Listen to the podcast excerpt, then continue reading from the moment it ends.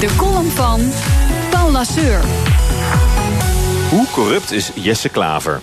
De politiek leider van GroenLinks moest het vrijdag ontgelden in de Telegraaf.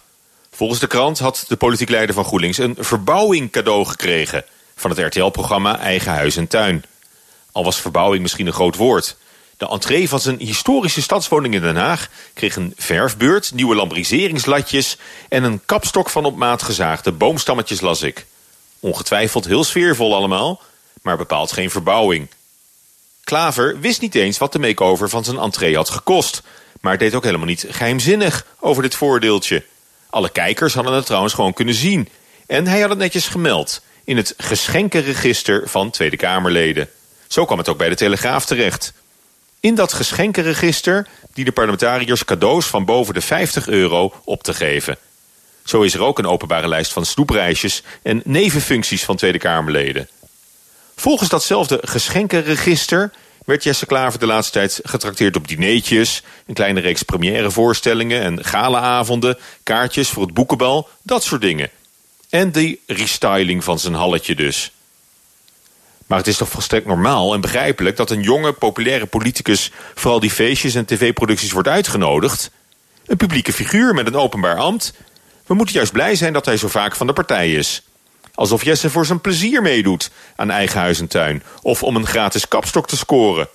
Wel nee, het is campagne corvée. Uit de categorie flyers uitdelen in het winkelcentrum van Waddingsveen. In de regen. Een politicus moet er alles aan doen om zoveel mogelijk in beeld te komen. En waar mogelijk zijn blijde boodschap te verkondigen. Dat is zijn werk. En met zo'n gezellig flutprogramma bereikt hij waarschijnlijk een groots publiek dan met het zoveelste optreden in Pauw of Buitenhof. Die make-over van zijn vestibule is dan hoogstens een wat lullige bijvangst. Met corruptie of beïnvloeding van een politicus heeft het helemaal niets te maken. Dat zien ze bij de Telegraaf toch ook wel? Dat geschenkenregister is een aanfluiting die zo snel mogelijk moet worden afgeschaft. Het is tientjeswerk. Veel flessen wijn, uit eten, boeken. Het zijn alledaagse sociale smeermiddelen die in het maatschappelijk verkeer volledig zijn geaccepteerd. Alleen Tweede Kamerleden moeten daar ineens een administratie van gaan bijhouden. Die verkrampte bonnetjescultuur maakt een karikatuur van parlementaire integriteit. Terwijl op niet melden niet eens een sanctie staat. Zo blijven echt grote zaken buiten de boeken.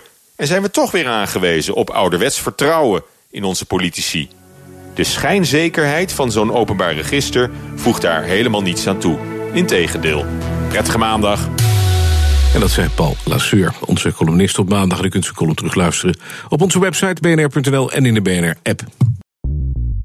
Bij BNR ben je altijd als eerste op de hoogte van het laatste nieuws. Luister dagelijks live via internet. Jelle Maasbach. Wesley Weert. We zijn er voor je met het leukste, opvallendste, maar natuurlijk ook het belangrijkste nieuws. Tijdens de presentatie van die halfjaarcijfers toen die beurskoers in elkaar kukkelde. BNR Beurs. Voor de slimme belegger. Blijf scherp en mis niets.